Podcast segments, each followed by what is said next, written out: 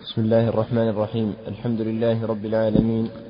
وصلى الله وسلم وبارك على رسول الله وآله وصحبه أجمعين. أما بعد فغفر الله لك يقول الإمام مسلم رحمه الله تعالى. حدثنا عبيد الله بن معاذ العنبري قال حدثنا أبي قال حدثنا شعبة قال حدثني معبد بن خالد. أنه سمع حارثة بن وهب رضي الله عنه أنه سمع النبي صلى الله عليه وسلم قال ألا أخبركم بأهل الجنة؟ قالوا بلى. قال صلى الله عليه وسلم كل ضعيف متضع متضعف لو أقسم على الله لأبره. ثم قال ألا أخبركم بأهل النار؟ قالوا بلى. قال كل عتل جواظ مستكبر. وحدثنا محمد بن المثنى قال حدثنا محمد بن جعفر قال حدثنا شعبة بهذا الإسناد بمثله غير أنه قال ألا أدلكم.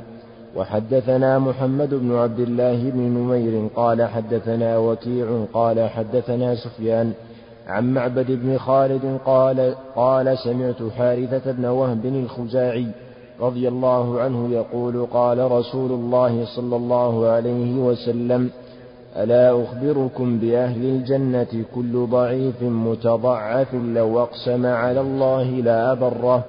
ألا أخبركم بأهل النار كل جواظ زنيم مستكبر؟ حدثني سويد بن سعيد. الحمد لله والصلاة والسلام على رسول الله وعلى آله وصحبه. أما بعد فهذا الحديث وهو قول صلى الله عليه وسلم ألا أخبركم بأهل الجنة كل ضعيف متضعف. لو أقسم على الله لا برة لا أخبركم بأهل النار. كل جواظ وتل مستكبر. كل عتل جواظ مستكبر. قوله عليه الصلاة والسلام كل لا كل ضعيف متضعف. وهي متضعف بفتح العين المشددة ولو متضعف. كل ضعيف متضعف يعني يستضعفه الناس. كل ضعيف متضعف في تشديد العين المفتوحة يعني يستضعفه الناس ويحتقرونه بفقره وخموله. وإن كان عند الله عظيما.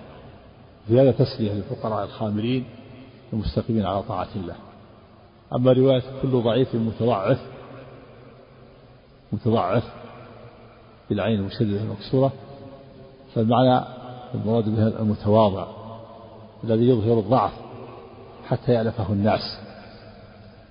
والمراد مع الإيمان بالله واليوم الآخر مع الإيمان بالله واليوم الآخر. فأهل الجنة هو الضعيف المتضعف المؤمن بالله واليوم الآخر الذي يستضعفه الناس ويحتقرون لفقره وخموله أو الذي المتواضع الذي يظهر الضعف حتى يألفه الناس. وأما قوله أخوف أهل النار كل عتل جواظ مستكبر العتل والجافي المعرض عن دينه وعن التفقه فيه. والجواظ صح ما هو الجموع المنوع الجموع الذي يجمع المال من حله ومن غير حله ثم يمنع الواجب والمستكبر المتكبر الذي يبطر الحق ويرده ويحتقر الناس ويزدريهم. والمراد هو أن هذا وصف أغلبي. المراد أن من أهل الجنة الضعيف المتضاعف ومن أهل النار العتل الجوار المستكبر. هذا وصف أغلبي وليس مراد كل أهل الجنة هذا وصفهم. فهذا وصف أغلبي من أهل الجنة. كل ضعيف متضعف. من أهل النار كل عتل جواب مستكبر. والعتل الجواب المستكبر قد يكون كافرا. قد يكون مشركا فهو من أهل النار. وقد يكون مع التوحيد والإيمان فيكون هذا من باب الكبائر. فيكون مرتكبا لكبيرة. يكون تحت مشيئة الله. وأما قوله لو أقسم على الله لا بره كل ضعيف متضاعف لو أقسم على الله لأبره. وفي حديث أبي هريرة رب أشعث أغبر مدفوع بالأبواب مدفوع بالأبواب لو أقسم على الله لأبره. وذلك لكونه مستقيما على طاعة الله لمكانته عند الله عز وجل بسبب استقامته. وإن لم يكن من أهل الجاه والمنصب والشرف لكنه لكن منزلته عالية عند الله وهو أشعث أغبر مدفوع بالأبر أشعث بتشعث الرأس غير منعم غير مسرح الرأس. أغبر مغبر بعيد عن الترف والنعيم. مدفوع بالأبواب يعني لا لا يؤذن له. لفقره وخموله وبكونه ليس معروفا عند الناس ولكنه لو أقسم على الله لأبره وهذا الحديث حديث أبي هريرة حديث أبي هريرة رب أشعث أغبر مدفوع بالأبواب لا أقسم على الله لأبره مع حديث أنس لما كسرت الربيع أخته ثنية جارية وطلبوا القصاص يعني عمدا. فقال النبي صلى الله عليه وسلم يا أنس كتاب الله القصاص. فقال أنس يا رسول الله أتكسر ثنية الربيع؟ فقال النبي صلى الله عليه وسلم يا, يا أنس كتاب الله القصاص. فقال والله لا تكسر ثنيتها. فرضي أهلها فعفوا عن الدية ورضوا بالعرش. فقال النبي صلى الله عليه وسلم إن من عباد الله من لا على الله لأبره. هذا محمول على حسن الظن بالله. ونصرة دينه وحماية شريعته. حديث أنس وحديث أبي هريرة ربع عشرة لا على الله لأبره ومن ذلك البراء بن معرور وغيره وكذلك أنس وكذلك سعد بن وقاص وكان إذا التحم القتال بينهم الكفار قالوا يا يا سعد أقسم على ربك. يقسم على الله فيهزم الكفار. فيهزم الله الكفار. هذا محمول على حسن الظن بالله ونصرة دينه وحماية شريعته. وأما حديث الرجلين العابد والعاصي وأن العابد نصح العاصي وقال له يأتيه وهو يعصي وهو يعصي الله ويقول يا هذا اتق الله ودع ما كنت تصنع فأتاه يوما فقال يا فلان اتق الله ودع ما تصنع. فقال فقال العاصي خلني وربي أبعث علي رقيبا. فقال العابد والله لا يغفر الله لك ولا يدخلك الله الجنة. والله لا يغفره الله لك ولا يدخل الجنة. فقال الله تعالى من ذا الذي يتألى علي ألا أغفر لفلان؟ إني قد غفرت له وأحبطت عمله. هذا محمول على التألي على الله والإعتراض على الله عز وجل وإظهار نفسه وأنه مكانة عند الله. هذا محمول على الإعتراض على الله والتألي على الله والحجر على الله وإظهار نفسه وأنه مكانة عند الله. فرق بين التألي على الله والتحجر على الله وبين وبين الإقسام على الله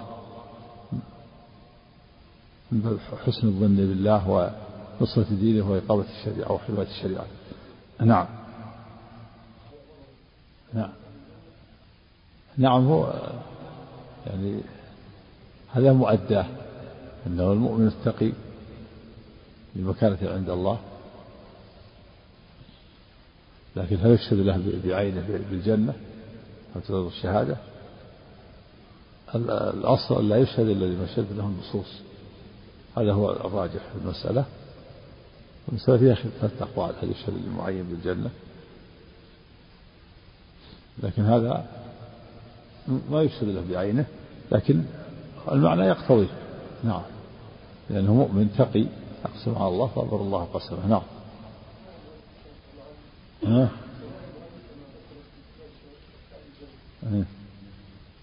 هذا بعد صفة صفة أهل النار بعدها. نعم. نعم. والثاني كل أخبركم بأهل النار كل إيش؟ كل, كل جواب كل جواب زنين الزنين هو الدعي الملصق بالنسب وليس وليس منهم. نعم. أحسن الله عليك حدثني سويد بن سعيد قال حدثني حفص بن ميسرة عن العلاء بن عبد الرحمن عن أبيه عن أبي هريرة رضي الله عنه أن رسول الله صلى الله عليه وسلم قال رب أشعث مدفوع بالأبواب لو أقسم على الله لا بره حدثنا أبو بكر بن أبي شيبة وأبو لا بر, بر الله قسمه. كما حصل من براء المرور وسعد بن أبي وقاص وغيرهم. في هزيمة جيوش الفرس والروم حينما يقسمون على الله. وأما سعد بن أبي وقاص مما شهد لهم بالجنة. نعم. العشر المبشر بالجنة. نعم. أحسن الله عليك. حدثنا أبو بكر بن أبي شيبة وأبو كريب قال حدثنا ابن نمير عن هشام بن عروة عن أبيه عن عبد الله بن زمعة رضي الله عنه قال خطب رسول الله صلى الله عليه وسلم فذكر الناقة وذكر الذي عقرها فقال إذ انبعث أشقاها انبعث بها رجل عزيز عارم منيع في رهطه مثل أبي زمعة ثم ذكر النساء فوعظ فيهن ثم قال إلى ما يجلد أحدكم امرأته؟ في رواية أبي بكر جلد الأمة. وفي رواية أبي كريب جلد العبد ولعله يضاجعها من آخر يومه ثم وعظهم في ضحكهم من الضرطة فقال إلى ما يضحك أحدكم مما يفعل.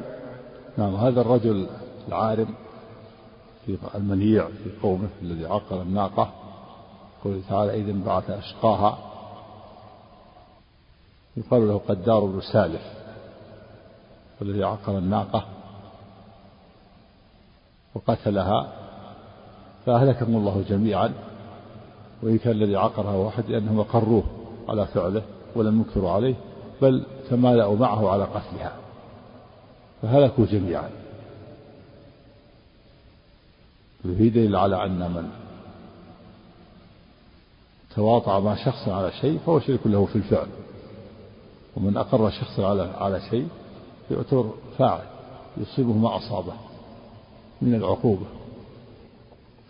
فهذا الرجل هو الذي قتل الناقة ومع ذلك هلكوا جميعا لأنهم أقروه على فعله ولم ينكروا عليه بل تمالوا معه على قتلها يقول لما يجد أحدكم امرأة جلد العبد؟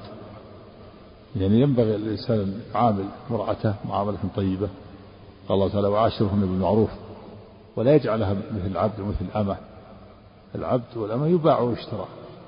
العبد يجلد ويؤدب والأمة كذلك أما الزوجة لا الزوجة تختلف.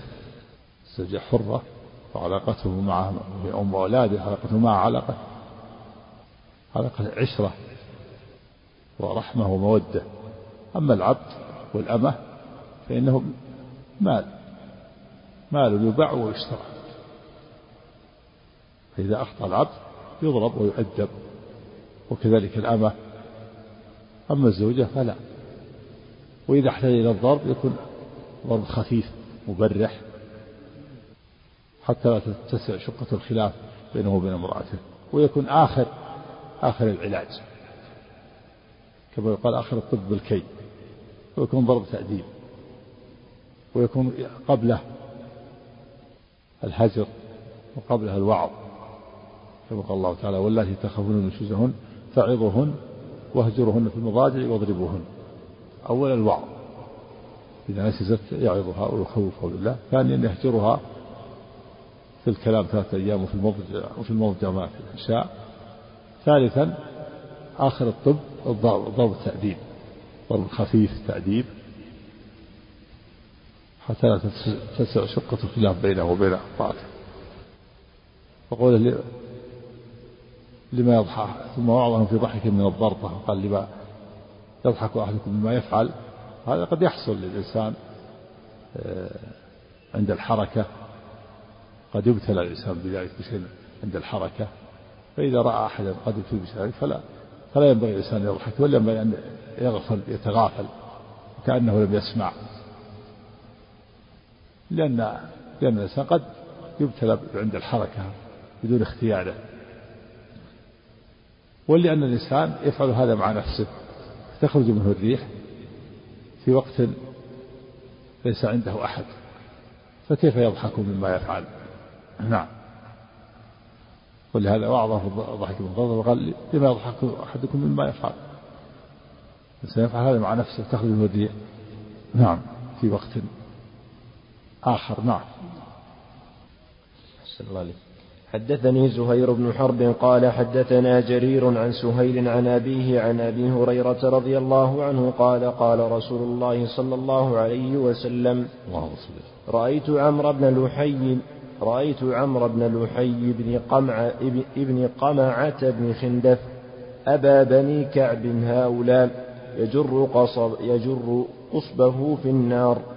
حدثني عمرو الناقد يعني يجر أمعاءه وذلك لأنه أول من سيب السيائب وأول من جلب الأصنام إلى بلاد العرب.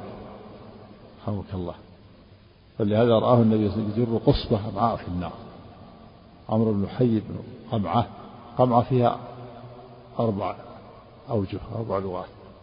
يقال قمعة فتح القاف وتشديد المام الميم الآن مفتوحة. ويقال قمعة بفتح القاف وتشديد قم قمعة يقال قمعة بكسر القاف وتشديد الميم المفتوحة.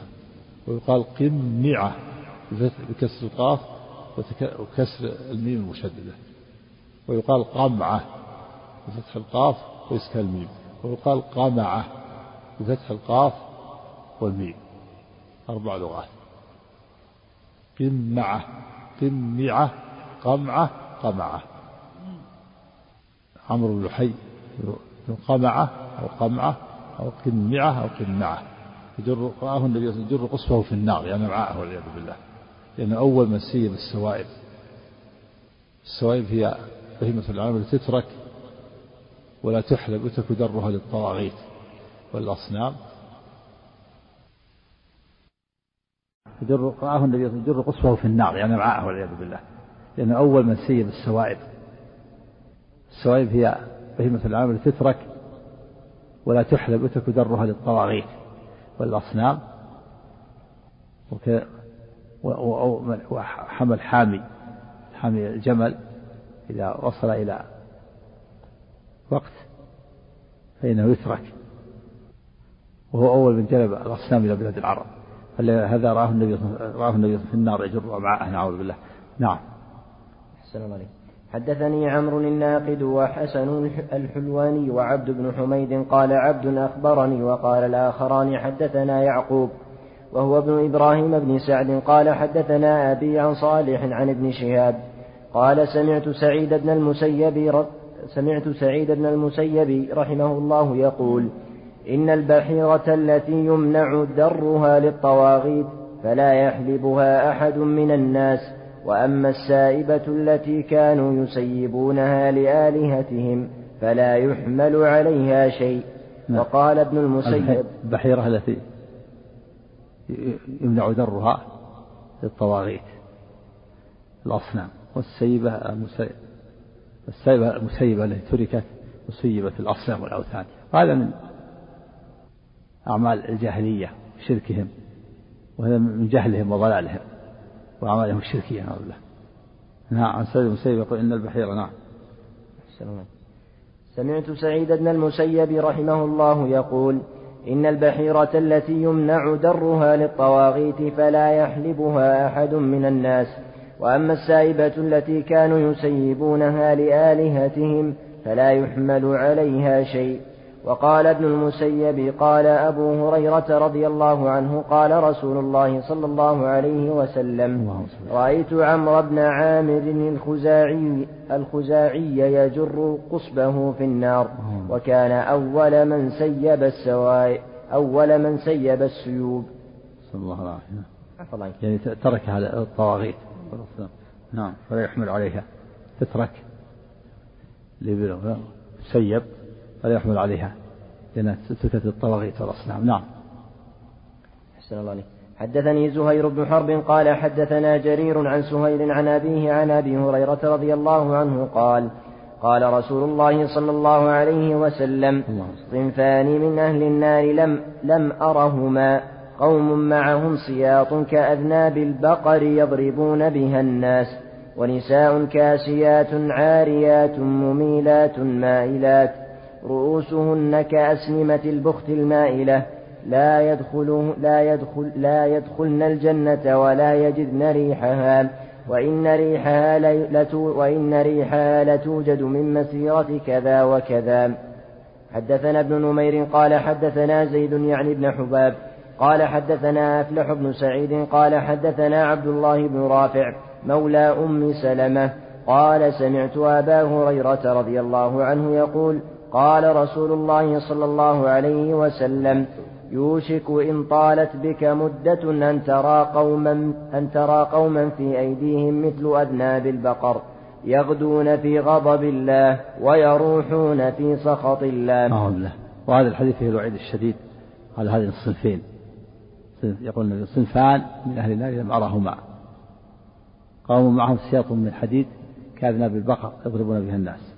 ونساء كاسيات عاريات مائلات مميلات رؤوسهن كأسهم في البخت المائلة. لا يدخلن الجنة ولا يجد ريحها وإن ريحها لا يوجد من سورة كذا وكذا هذا في الوعد الشديد على هذه الصنفين وأن كل منهما قد ارتكب كبيرة من كبائر الذنوب. الصنف الأول قوم معهم سياط من حديد كأذناب البقر. يقول هم يقال إنهم هؤلاء هم الشرط الذين أمرهم ولاة أمورهم أن يضربوا الناس. بغير حق. وقيل هم الذين يقطعون الطريق ويأخذون أموال الناس بالباطل ويضربونهم بغير حق. والصواب أن أن نوعان لكل من آذى الناس وضربهم بغير حق هو داخل في ذلك والصفة نساء كاسيات عاريات مائلات مميلات قيل معنى كاسيات عاريات كاسيات من نعم الله. عاريات من شكرها. وقيل معنى كاسيات بالثياب عاريات لأن الثياب ضيقة يبرزن مقاطع الجسد أو لأن الثياب رقيقة ترى من ورائها البشرة أو لأنها تكشف بعض جسدها إظهارا للرجال تستر بعض جسدها وتظهر بعض جسدها. وقيل كاسية من الثياب عاريات من فعل الخير. كاسية العاريات مائلات مميلات قيل مائلات مائلات من الفواحش والشر. زائغات على الحق مميلات لغيرهن وقيل معنى مائلات يمشين متبخترات. مميلات مميلات لأكتافهن وقيل معنى مائلات يمتشطن المشطة الميلاء. وهي مشطة البغايا جمع بغي. وهي الزانية. مميلات يمشطن غيرهن تلك المشطة. رؤوسهن كاسبة البخت. المعنى أنه يعظمن رؤوسهن بالخرق واللفائف والعمائم باللفائف والخمر. يعظمن رؤوسهن باللفائف والخرق والخمر حتى تكون رأس ثاني كأنه يكون رأسين. كاسبة البخت تشبه سبة البخت والبخت. هي الإبل التي لها سنامان وهي إبل تأتي من السودان لها سنامان بين كل سنام بين السنامين مقعد رجل. فهذه المرأة إذا عظمت رأسها بالخرق واللفائف والخمر صار كأنه رأس ثاني. ورأسها الذي خلقه الله وهذا الرأس الثاني بالخرق صار يشبه البعير الذي له سلامان وهذا موجود الآن واقع.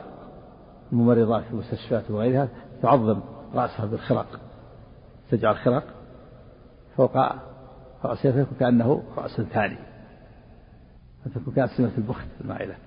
ويفعل هذا بعض بعض النساء بعض الفتيات في بيوتهن وفي الشوارع تعظم رأسها بالخرق حتى يكون كأنه رأس ثاني. وهذا فيه وعيد شديد هذا في حديث فيه الوعيد الشديد وأن ذلك من الكبائر. حديث ثاني إن طالت بك حياة سوف ترى قوما معهم سياق من حديد يغدون في سخط الله ويروحون في سخط الله. هذا فيه الوعيد الشديد وأنهم وأنهم قد ارتكبوا كبيرا من كبائر الذنوب هؤلاء الذين يضربون الناس بغير حق في التحذير من إيذاء الناس وضربهم بغير حق وأن هذا من الكبائر. في إثبات الغضب والسخط لله وصفاته وكبائر قوة الله وعظمته. نعم. خرقة. ما هو بعيد. يقول هذه هذه مشطة ميلة ينبغي أن تكون في الوسط ما تكون في الجنب. نعم. أحسن الله عليك. حدثنا عبيد الله بن سعيد وأبو بكر بن نافع وعبد بن حميد قالوا حدثنا أبو عامر العقدي قال حدثنا أفلح بن سعيد قال حدثني عبد الله بن رافع مولى أم سلمة رضي مولى أم سلمة رضي الله عنها قال سمعت أبا هريرة رضي الله عنه يقول سمعت رسول الله صلى الله عليه وسلم يقول إن طالت بك مدة أوشكت أن ترى قوما يغدون في سخط الله ويروحون في لعنته في أيديهم مثل أذناب البقر هذا في التحذير من ضرب الناس في الحق وأن هذا من كبائر الذنوب. حيث أن النبي قال يغدون في سخط الله وفي لعنته ويروحون في لعنته. نعم. هو المهم إذا لفت الشعر وعضلت الخرق نعم هذا هو. نعم. كذلك. على الكتف. نعم على الكتف هذا في تشبه بالرجال ما يجوز. لازم يكون على الرأس. نعم. تدخل في تبرج. ولا سيما مخصرة إذا كان مخصرة أو كان مزركشة. نعم. حدثنا أبو بكر بن أبي شيبة قال حدثنا عبد الله بن إدريس حاء وحدثنا ابن نمير قال حدثنا أبي ومحمد بن بشر حاء وحدثنا يحيى بن يحيى.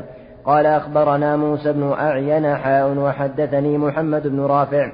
قال حدثنا أبو أسامة كلهم عن إسماعيل بن أبي خالد حاء وحدثني محمد بن حاتم واللفظ له.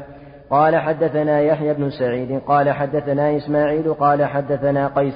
قال سمعت مستوردا أخا بني فهر رضي الله عنه يقول قال رسول الله صلى الله عليه وسلم والله ما الدنيا في الآخرة إلا مثل ما يجعل أحدكم إصبعه هذه. وأشار يحيى بالسبابة في اليم فلينظر بما ترجع. وفي حديثهم جميعا غير يحيى سمعت رسول الله صلى الله عليه وسلم يقول ذلك. وفي حديث أبي أسامة عن المستورد بن شداد أخي بني فهر وفي حديثه أيضا قال وأشار إسماعيل بالإبهام. نعم ولم البحر. وفيه بيان نسبة الدنيا إلى الآخرة. وأن نسبة الدنيا في فنائها وعدم دوامها وانقضاء وسرعة انقضائها إلى الدنيا في بقاء نعيمها ودوامها كنسبة الأصبع الذي يغمسه الإنسان في البحر نسبة ما يعلق بالأصبع من الماء إلى باقي البحر. ما ما ما تكون هذه النسبة. إذا غمست أصبعك في البحر ثم صارت فيه رطوبة هذه الرطوبة تنسبها إلى هل نقصت البحر؟ ما تنقص البحر. نسبة نقص الرطوبة الذي أصابت الأصبع إلى باقي البحر هذا نسبة الدنيا إلى الآخرة. ما تساوي شيء. الدنيا لا تساوي شيء. إلا كما أن الإنسان إذا غمس إصبعه في البحر فينقص البحر بمقدار ما علق بأصبعه فإذا نسبت ما علق بأصبعك من ماء البحر إلى باقي البحر ماذا تكون النسبة؟ لا تساوي شيء. هذه نسبة الدنيا إلى الآخرة. والله ما الدنيا في الآخرة إلا كما يغمس أحدكم إصبعه في البحر فلينظر بما يرجع. فلينظر بما يرجع الإصبع ما يرجع بشيء. والحديث الآخر يقول الدنيا يقول النبي صلى الله عليه وسلم لو كانت الدنيا تزن عند الله جناح بعوضة ما سقى كافرا منها شربة ماء في الحديث الآخر النبي صلى الله عليه وسلم أتى على جدي وهو التيس الصغير ميت وله أذنان صغيرتان فأخذ بأذنه فقال الصحابة أيكم يحب أن يكون له هذا الجدي بدرهم؟ قال رسول الله والله ما لا أحد يحب أن يكون له بشيء. إن فيه عيب هذا جدي صغير الأذن أسك في عيب لو كان حيا لكان في عيب فكيف إذا كان ميت؟ فقال الدنيا أهون على الله من هذا عليكم. الدنيا أهون على الله من هذا عليكم من هذا الجدي صغير الأذن الميت. نعم. أحسن الله عليك وحدثني زهير بن حرب قال حدثنا يحيى بن سعيد عن حاتم بن أبي صغيرة قال حدثني ابن, ابن أبي مليكة عن القاسم بن محمد عن عائشة رضي الله عنها قالت سمعت رسول الله صلى الله عليه وسلم يقول يحشر الناس يوم القيامة حفاة عراة غرلام. قلت يا رسول الله الرجال والنساء جميعا ينظر بعضهم إلى بعض. قال صلى الله عليه وسلم يا عائشة الأمر أشد من أن ينظر بعضهم إلى بعض. نعم شدة الهول والخوف. لا ينظر بعض لا يستطيع بعضهم إلى بعض من شدة الهول والفزع والذهول. يحشر من حفاة عراة. حفاة لا ثياب عليهم عراة لا ثياب عليهم غرلا جمع أغرل. هو الذي لم يختن. القلفة وهي الجلدة التي تقطع في الختان تعود إليه. والمعنى أنه يحشرون كما خلقهم الله. ليس معهم شيء. عراة حفاة عرلا قالت عائشة يا رسول الله رجال الإنسان ينظر إلى بعض؟ قال يا عائشة الأمر أشد من ذلك. كل قد شخص بصره إلى السماء. إنما يؤخرهم ليوم تشخص فيه الأبصار بشدة الهول. لا أحد ينظر إلى أحد ولا أحد ينظر إلى أحد. المقام ما هو مقام نظر الآن. المقام مقام ذهول وذعر وخوف ووجل. والأبصار شاخصة للسماء. والشمس فوق الرؤوس دنت حرارتها. كل يهمه نفسه. يوم يفر المرء من أخيه وأمه وأبيه وصاحبته وبنيه لكل امرئ منهم يومئذ شأن يغريه يفر المرء من أخيه وأمه وأبيه وزوجته وبنيه وكل واحد يتمنى أن يكون على الآخر حسنة يأخذها منه. مو المقام مقام نظر ما حد ينظر أحد. ولهذا قال يا رسول الله الرجال والنساء ينظرون قال يا عائشة الأمر شد من ذلك. شاخصة أبصارهم. الهول نعم والخطر نعم. أحسن الله عليك. وحدثنا أبو بكر بن أبي شيبة وابن نمير قال حدثنا أبو خالد الأحمر عن عن حاتم بن أبي صغيرة بهذا الإسناد ولم يذكر في حديثه غرلام. حدثنا أبو بكر بن أبي شيبة وزهير بن حرب وإسحاق بن إبراهيم وابن أبي عمر. قال إسحاق أخبرنا وقال الآخرون حدثنا سفيان بن عيينة عن عمرو عن سعيد بن جبير عن ابن عباس رضي الله عنهما أنه سمع النبي صلى الله عليه وسلم يخطب وهو يقول إنكم ملاقوا الله مشاة حفاة عراة غرلا ولم يذكر زهير في حديثه يخطب.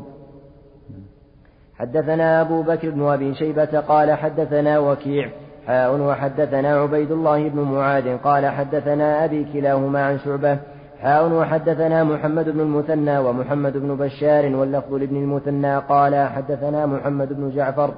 قال حدثنا شعبة عن المغيرة بن النعمان عن سعيد بن جبير عن ابن عباس رضي الله عنهما قال قام فينا النبي صلى الله عليه وسلم خطيبا بموعظة فقال يا أيها الناس إنكم تحشرون إلى الله حفاة عراة غرلا.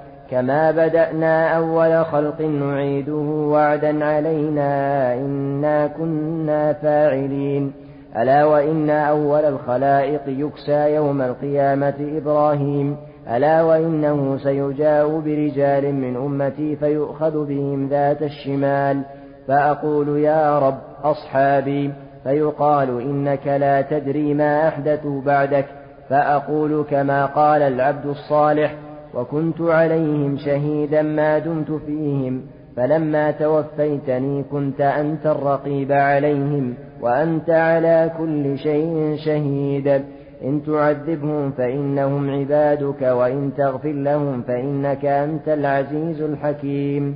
قال فيقال لي إنهم لم يزالوا مرتدين على أعقابهم منذ فارقتهم. وفي حديث وكيع ومعاذ فيقال إنك لا تدري ما أحدثوا بعدك. حدثني زهير بن حرب قال حدثنا أحمد بن إسحاق حاء وحدثني محمد بن حاتم قال حدثنا بهز قال جميعا حدثنا وهيب قال حدثنا عبد الله بن طاووس عن أبيه عن أبي هريرة رضي الله عنه عن النبي صلى الله عليه وسلم قال يحشر الناس على ثلاث طرق حديث العباس السابق فيه أن أول من يكسى إبراهيم عليه الصلاة والسلام هذه منقبة إبراهيم الخليل. ولا يدل ذلك على أنه أفضل من حفيده نبينا محمد صلى الله عليه وسلم لأن النبي صلى الله عليه وسلم فضائل عامة والفضائل الفضيلة الخاصة لا تقبل الفضائل العامة. كما أن مناقب موسى أن الله كلمه في الدنيا. وفي الناس يحشرون على هذه الحالة حفاة لا نعال عليهم مشاة عراة لا ثياب عليهم. غرلا غير مختونين وقول إنه جاءوا برجال ويأخذون ذات الشمال و... فيقول ربي أصحابي فقال إنك لا تدري ما أحدث بعدك فيه أنه صلى الله عليه وسلم لا يعلم الغيب ولا يعلم ما حصل من أمته. المراد بأصحابه هنا الأعراب الذين صحبوا من الأعراب الذين ارتدوا من غطفان ومطير. وغيرهم ممن لم يثبت الإيمان في قلوبهم. هؤلاء لا يعلم لا يعلم النبي حاله في دليل على أنه لا يعلم غيره قال لك لا تدري ما أحدث بعدك. فأقول كما قال العبد الصالح وعيسى. إن تعذبهم فإنهم عبادك وإن تغفر لهم فإنك أنت العزيز الحكيم. يقول سحقا سحقا لمن غير بعد. لا حول ولا قوة. نعم سم. سم الله لا كما هو خاف وعيده لا ما هو لكن كما خرج إلى الدنيا ليس عليه ثياب وغير مختون وليس عليه نعال. خرج من بطن الأم هكذا مع عاري وليس عليه نعال وغير مختون. نعم.